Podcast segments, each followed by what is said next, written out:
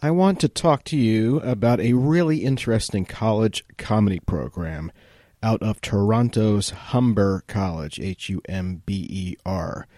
I am a visiting professor at Humber, and I travel up there about once a year to teach students. Now, Humber College has one of the few programs like it in the world where you can earn a degree in comedy writing and performing. In fact, Humber was the first college to start this back in 2000. The program is run by a great faculty, including alumni from SCTV and SNL, as well as amazing guest instructors from Kids in the Hall and other great places. This is a two year diploma program, and some of the graduates from this program include Nathan Fielder from Nathan for You, as well as Levi MacDougall, who is a writer for Conan, and Rebecca Addelman for New Girl, and many other writers who are making a career in comedy and performers. Now, Humber's philosophy is one that I agree with. They believe that the best way to learn is by doing. This might sound simple, but this is not always the case within academic settings. For instance, Humber holds weekly stand up shows at Toronto's top comedy venue, Yuk Yuk's, where Jim Carrey and Norm Macdonald got their start. And the college hosts a weekly sketch show at Comedy Bar, which is a great sketch venue in Toronto.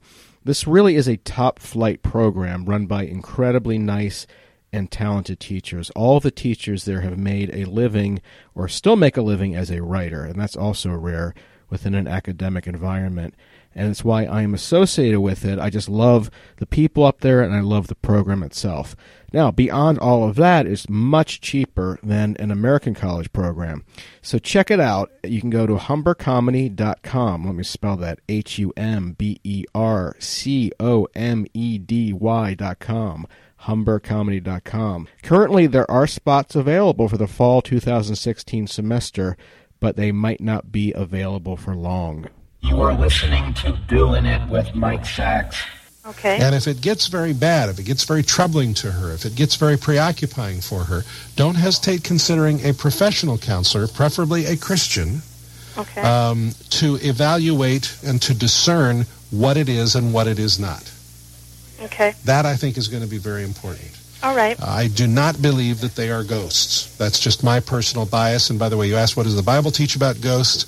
Um, there is really nothing in the Bible that would that would encourage us to believe that we can have contact with those who are departed. It's on what her going toward the light means in terms of her own choices. See, we can be deceived by spirits of darkness, Okay. but uh, it it just kind of depends on what the origin of it is. I vote for the fact that what's going on is something that needs to be understood very deeply within her. Okay.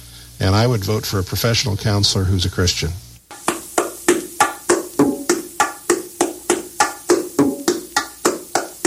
Now that you have the sound down pat, you're ready for what you just heard. The basic bongo rhythm beat. It's called the martillo. Let's hear some more, Mr. Bongo.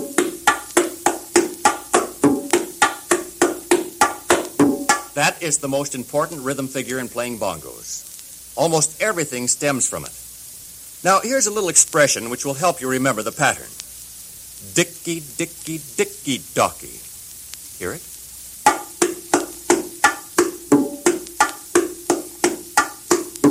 Dicky, dicky, dicky, docky. Dicky, dicky, dicky, docky. See? Keep that pattern in mind. It may sound humorous, but it's important and it helps. I don't get out much, but but once I went to a Mexican restaurant and I had a spicy burrito, but but it didn't agree with me, and I, and I crapped in my pants. You sound really cute. When you have goodies, it's a mitzvah to share. But to give someone your cold is really not fair. I have a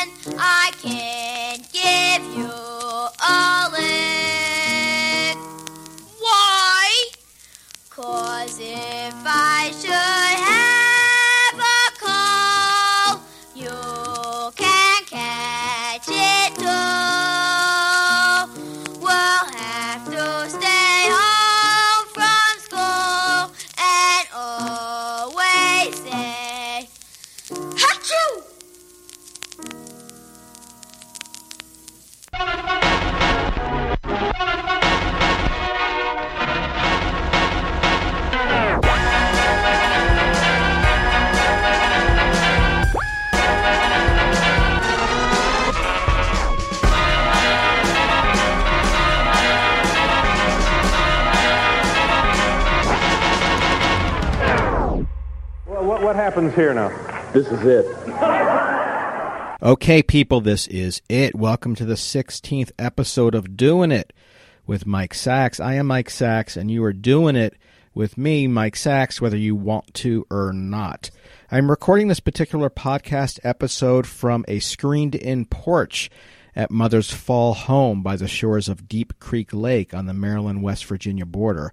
Mother's longtime cook, Miss Betsy, has recently passed away, and the responsibility of cooking Mother her flash frozen macrobiotic meals has fallen to me. You see, Mother can be a burden. What a great show this episode. Listen to this an interview with my favorite monkey, Mike Nesmith. I am a huge fan of Mike's music, even beyond the Monkees. He was an originator of country rock. Some of his songs include Harmony Constant, Land of the Valley, some of Shelley's Blues, Nine Times Blue. And if in the end we should go both our separate ways, I know the lesson I've learned here is worth it all. Cause now I feel like such a fool for making you crawl back to me. And my all time favorite song, Different Drum, later covered by Linda Ronstadt. But here is Mike's version. Don't get me wrong, it's not that I knock it, it's just that I'm not in the market for a girl who wants to love only me. So, beyond all that great music, Mike has been heavily involved in the comedy world for decades and was an early proponent of video comedy, having written and produced a few TV specials that made a big impact on a lot of comedy writers, including many who later went on to write for The Simpsons. In 1985, Mike put out television parts on NBC, which included cameos by a very young Jerry Seinfeld and Garry Shandling, and a comedy bit written by the great Jack Handey. Mike Nesmith was also involved with the infamous George Meyer fanzine Army Man. George Meyer approached Nesmith asking about putting it out nationally, and Mike responded, Sure, but is that what you really want? And it turned out it wasn't, and that's why Army Man has remained a classic to this day.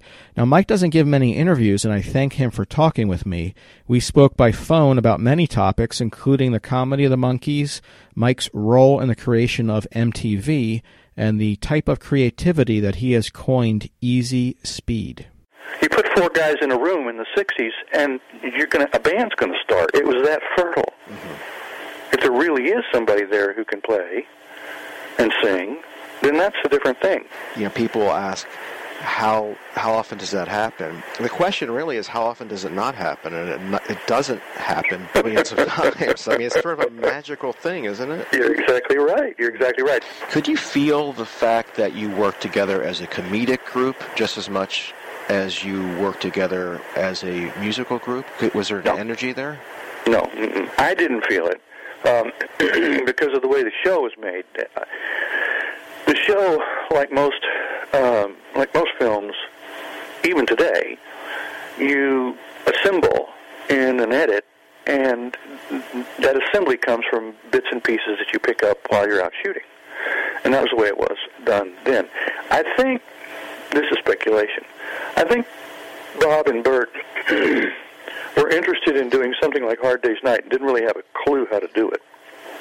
And I'm not sure that anybody actually knows how to do it. Those those things kind of happen.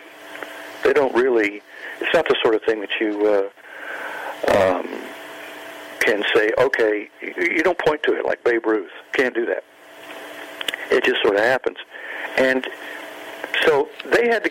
They started shooting these scripts but there were other elements, like, well, let's just interview the guys. Let's just talk to to the actors So they talk to the actors, and then, well, let's just uh, let's just put a let's put a musical number in here. Well, what are we going to put on the musical number?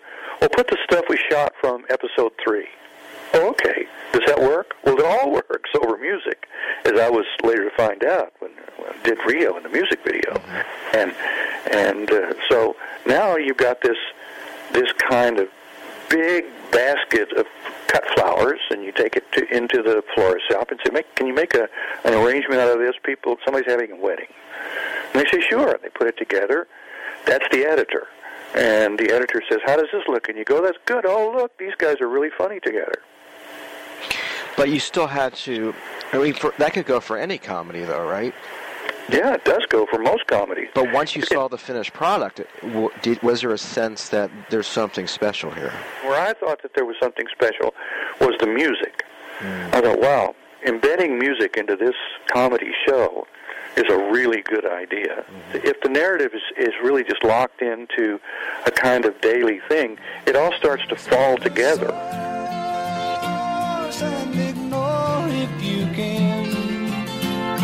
Whatever is said to undo the plan. Consider the source and ignore it, my friend. You're doing just fine. Keep on keeping on. And you can look at it and you can say that's great, but what the point I'm making is that you you've got the um, you've got the simpatico and you've got the uh, way that the guys interact and feel together, and that is root. But you develop it by going through this process of assembly and making it happen. You don't you don't just catch four people doing that just on their own in a in a in a soccer field somewhere. Right, otherwise they'd be locked up. exactly. you have to put effort into making something effortless. Well, yeah, I uh, I call that easy speed. It's the part that you don't think about that is uh, that is easy. And you know, um, when you're with somebody who's super smart or super talented or something like that, uh, I notice it in champion athletes. And you, and they go out and then you say, well, let's let's jog, and then the next thing you know, you're jogging along and you're next to some person who's a marathoner, and they're not working hard except they're like three times faster than you, and they're not. A, you're huffing and puffing. You go out with somebody and throw a ball, and you say, my God, you know that guy just threw a 96 mile an hour ball. You can't do that, however hard you try. If you learn to play golf, one of the first things they'll say to you is, "Don't try, don't hit, hit it as hard as you can. Now hit it as easy as you can." And you hit it easy, and it goes farther than when you hit it hard. I interviewed quite a few comedy writers, and more than a few have mentioned you uh, as it came up in conversation. Um, oh, really? George Meyer. Oh, yeah? Yeah. Well, George Meyer, as you know, and maybe the listener doesn't know, he created a small magazine called Army Man, and there was three issues. This was in the 80s, very influential. Most of the people who appeared in there later became Simpsons writers and New Yorker writers. And I've got the only four copies in existence, I think, Mike. The originals? Yeah. Really? They're, they're in my they're in my file. You know, anyway, go ahead. You know, I was going to say that. Well, that's interesting. I have copies, but for you to have the originals, you might very well. I don't even think George has the originals. No, he probably doesn't. I have them all. well, how did you come across it? Did you did you come across the? Jack Handey sent them to me. Now, there's another oh. person that I interviewed, and he said that he sent you material, you liked it, and you were one of the first to hire him as a professional writer. Well, he had been marginalized. I don't mean this as any kind of a um, opprobrium. It's just he had been marginalized by working with Steve, Steve Martin, right. because Steve was so powerful and so funny and good himself. They don't realize that these guys usually have around them people like Jack Handey, and um, and and Jack was, you know, he was the he was the father of the the absurdist part of Steve Martin. And when I started reading his stuff, I was just I was just smitten, and you know, fell on the floor laughing. And he was a he was a um, uh, somebody that I wanted to work with. So when I when the guys at NBC can can you make elephant parts for us? I said, well, I'll try. And and one of the first guys I called was Jack, and I said, hey, you, would you be interested in writing for a television show? And he said, yeah. Well, you've just been you just won a very prestigious award, the um, Ernie Kovacs Award. This is a lifetime achievement award. Don't forget, uh, this is a fundraiser, uh, and this this uh, this little uh, body that recognizes good work in comedy, you know, that's hard to find. People don't do that. I mean, it, you know, you, you give, you're not going to have the Lincoln Center Awards for comedy. They're just not. Yeah. They're gonna, not going to do it. And you're not going to get, you know, they're going to, or Tony Awards even. And so I, they'd ask me a while back, you know, would you be on for accepting the award? And I said, well, I don't, I don't know. I don't think so. Not right now. But because they orbit around Ernie Kovacs and his whole sensibility, Ernie Kovacs uh, really was seminal figure, and, and he was very important to me. And so uh, I kept watching them, and they kept saying, well, "How about now? How about now?" And then this last time, they said, "How about now?" And I said, "Okay, yeah, let's do this." I think it's Well, let's talk about Ernie Kovac. He's a, he's a performer who's tremendously influential. A lot of his work was lost because kinescopes weren't Yeah. made of his shows. David Right. Letterman's a huge fan. Harry Shearer's a huge fan. I mean, you look at his work now; it's still really kind of pushing buttons. But what Mhm. what did he mean to you um, creatively in a comedic sense when you were growing up? Well, he was he was he was probably the earliest touchstone. There were funny stuff on television, and I really loved what television did for funny. And um, it it made it you know it was it it really moved it out of uh, Hope and Crosby, Abbott and Costello, Martin and Lewis. It moved it out of that whole nightclub cum movie thing into some other space. And the space that I identified was American Bandstand. It was, you know, real time, real time life things happening.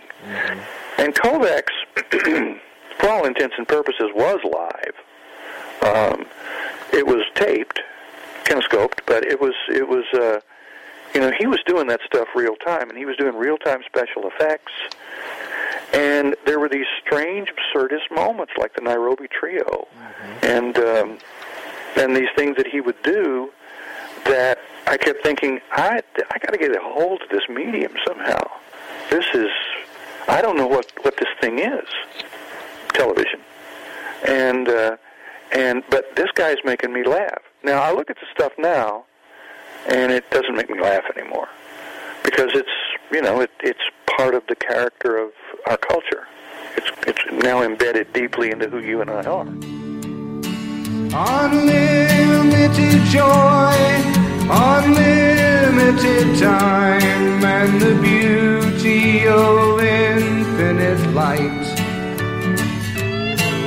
Unlimited freedom, that's rightfully mine, and is yours, is unlimited life. But at the time, it was just it was so inspiring and it and it was enlightening. And I thought, yeah, that's that's where the sound of understanding is. You get that because everybody shares that space. And the idea of the shared space and the idea of easy speed and how how effortless it was, it was just it, it was that thing that oh let's do that that would be so funny it's so different than the pathological need to make people laugh that you know comedy writers have and share and, and complain about. You were approached by um, someone at, at someone at MTV. Is that correct? If you wanted to be involved, i tried to sell mtv uh, it wasn't mtv I, I, I tried to sell a show of these video clips. First of all there weren't any video clips so that's that's there's a problem there. There's no video clips. And second of all nobody had any idea what a show like that would be and i thought well it's going to be like radio is to records. Mm-hmm. Tv to the video. That's what it's going to be like. That's the symbiosis. Okay well i kind of understand that. So how does the show look? Well i got with a friend and i said let's shoot this pilot. And this was a pilot called pop clips. And he right shoot the pilot and i'll try to sell it. And he he had a, a first run syndication service.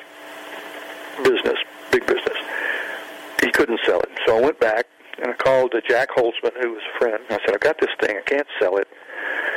Can you give me any advice? He said, well, call these guys over at Warner's. Um, they're doing, uh, they've, they've got a project they were doing called QUBE. Uh, it didn't work. It came off of the schedule. It, nobody wants to buy, uh, well, nobody wants to shop online. Is I don't, that wasn't what they called it. You know, shop over the networks or shop over cable or whatever. So they're going to take it down, but they've got this satellite sitting up there, and they're going to put uh, Movie Channel 2 up because, you know, it's costing them a million dollars a month to run this stupid thing, just for it to sit there idle. But I think they're looking for programming, and, you know, they might be interested in something like this. So I called up a guy there who worked there, and a guy named John Lack, and he said, well, let me see it. He looked at it, and he said, oh, my God, he turned out to be a music head. He said, this is incredible. Let's test it. So we put it on Nickelodeon, just buried the needle. Uh, they all said, oh, this is great, let's go. So I went back, I made a stack of them, made, I think, eight or something. But I'd done that, you know, for more more for Nickelodeon than anything else. And, and they started moving the satellite over and talking, putting people in charge and saying, you know, we're going to make this, uh, going to make this whole kind of cable thing. We're going to call it music television, and uh, you know, it'll be, it'll be good. And here's a pilot for it.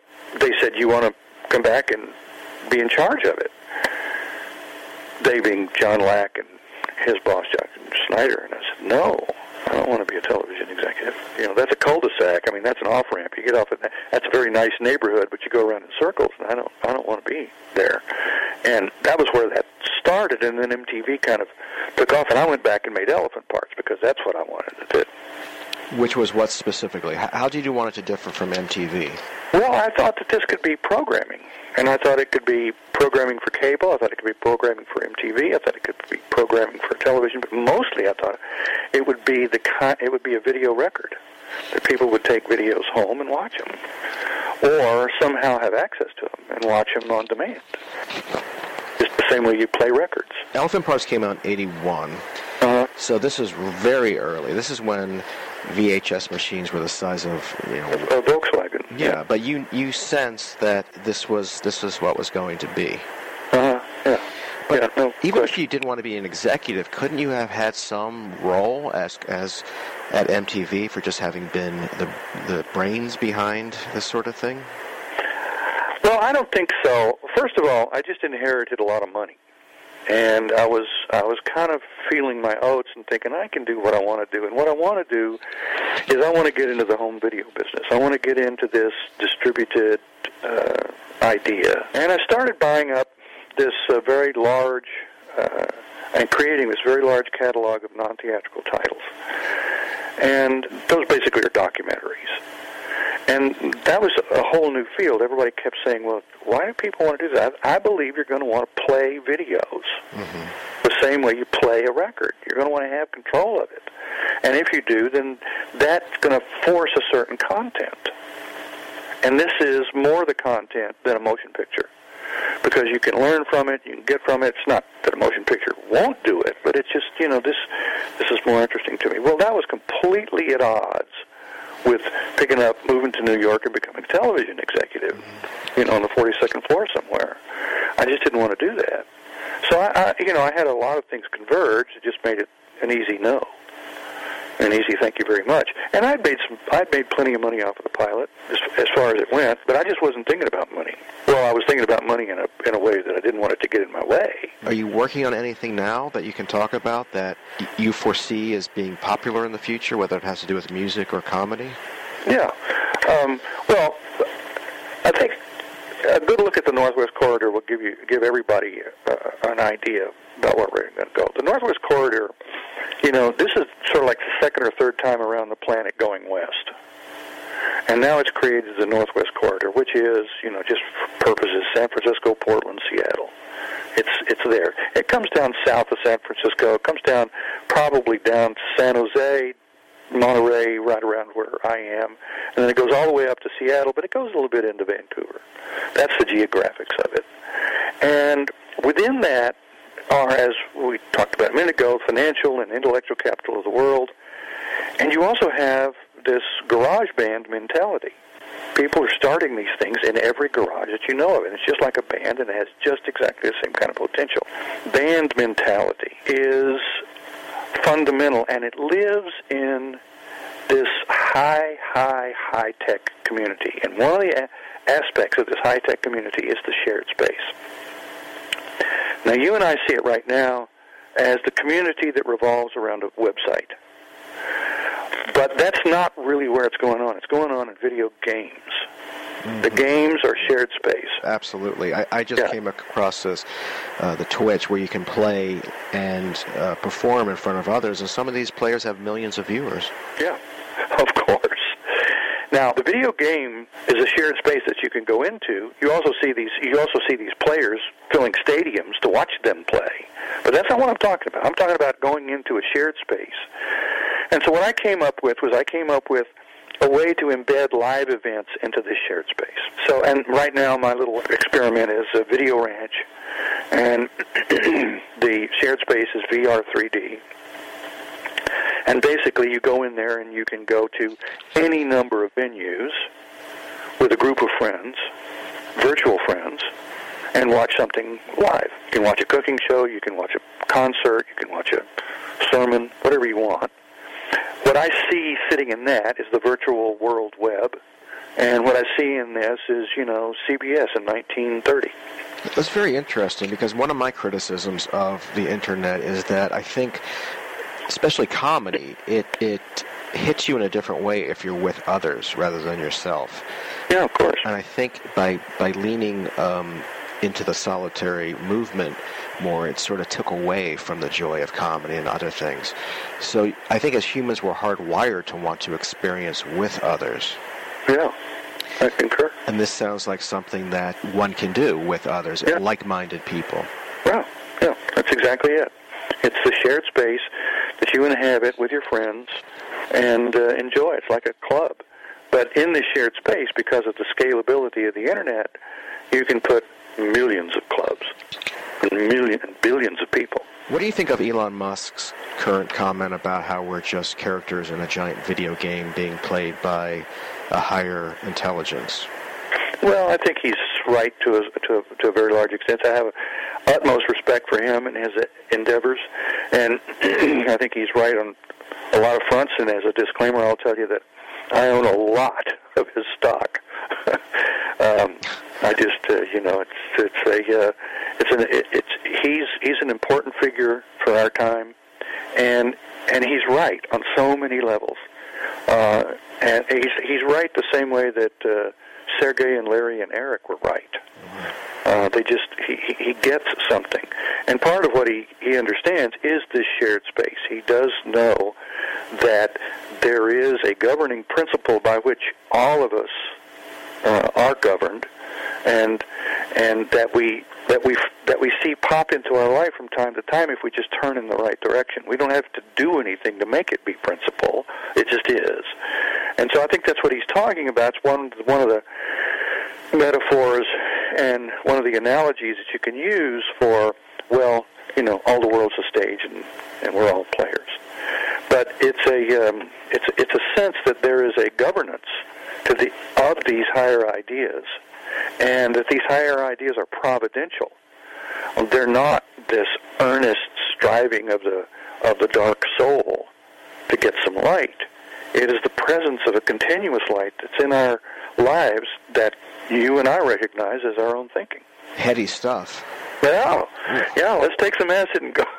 go I'll meet you in the desert. well, listen, uh, your work has really influenced me. It continues to do so. I'm a huge fan across the board comedy, music, writing. And I want to thank you so much for giving me so much time. I think you're a fascinating guy. If you're ever in New York, I'd love to buy you lunch. That'd be great. Well, I'd enjoy that too. Here i ride right on the real road in she ride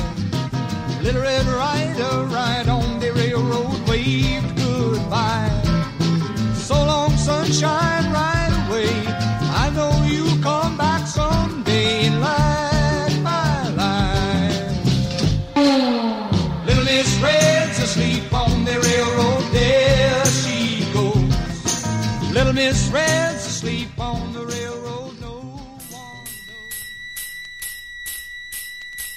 That's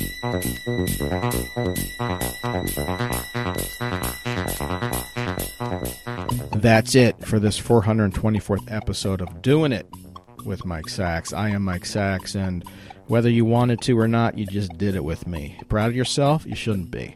Here are some highlights from upcoming podcasts an interview with the great Paul Feig.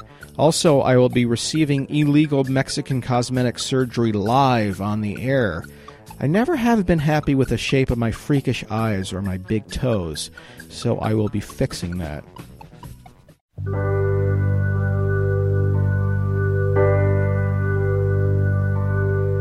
I appreciate you joining us. I really do. I look forward to seeing you all next week, especially you, that one who does not want to work as a temp off of I 270 in an office park surrounded by a fake lake with tons of geese shit. Now, a few shout outs. Mike Nesmith for sitting down and talking with me. Go to videoranch.com to see what Mike is up to, and he's always up to a lot. That's videoranch.com. Tyler Wall, Brian Huddell, Ian Goldstein, Courtney Soliday, Andrea Salenzi, Avery Edison, and Ben Hating for donating to our Patreon page. This was the reward they chose. I love you all. I'd like to thank Ian Goldstein for all of his help, and it's been a lot. You can reach Ian at his email, ianscottgoldstein at gmail.com, or on his Twitter page at Ian Goldstein Yes. That's at Ian Goldstein Yes. And Goldstein is spelled G O L D S T E I N. I'd like to thank Sam Peach for his marketing and artistic skills. You can see Sam's incredible work on Instagram and Twitter at Odeath Creative. That's at Odeath Creative, and O is just the letter O, Odeath Creative. Also on Facebook and Tumblr under Odeath Creative. Rob Schulte, I'd like to thank very much for producing, editing, wrangling everything. You can reach Rob at robkschulte.com. He's a great podcast called Pumpkin Spice Podcast, and you can find that on iTunes. A personal note Rob has been working for me for the past year, and I can't think of a better producer. He's currently going through some tough times, and my heart is with you, Rob. You can reach me at mikesacks.com. You can also reach me at doingitwithmikesacks.com or on Twitter at doingitpod. That's D O I N I T P O D. So I think you know what to do. I mean, hope you know what to do. Until next time, folks, keep your feet on the ground and what? That's right. Keep doing it. Disneyland. This time our schedule takes us to fabulous Fantasyland and the Midget Autopia ride. A special magic carpet on wheels made to order for little people like five-year-old Casey Hughes and his sister Kara, who's three.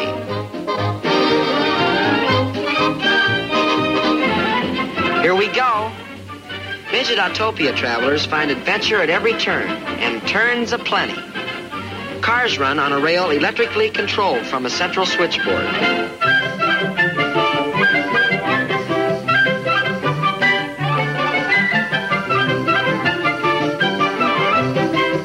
Autos normally have only one steering wheel. On Midget Autopia cars, things are different. You just never know what'll turn up on this ride. Long mysterious tunnels, for instance. And what's this? A garage right in our path.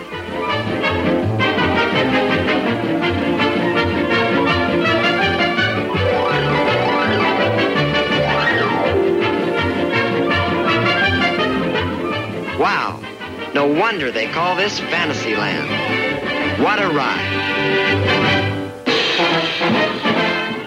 And that's the news for today.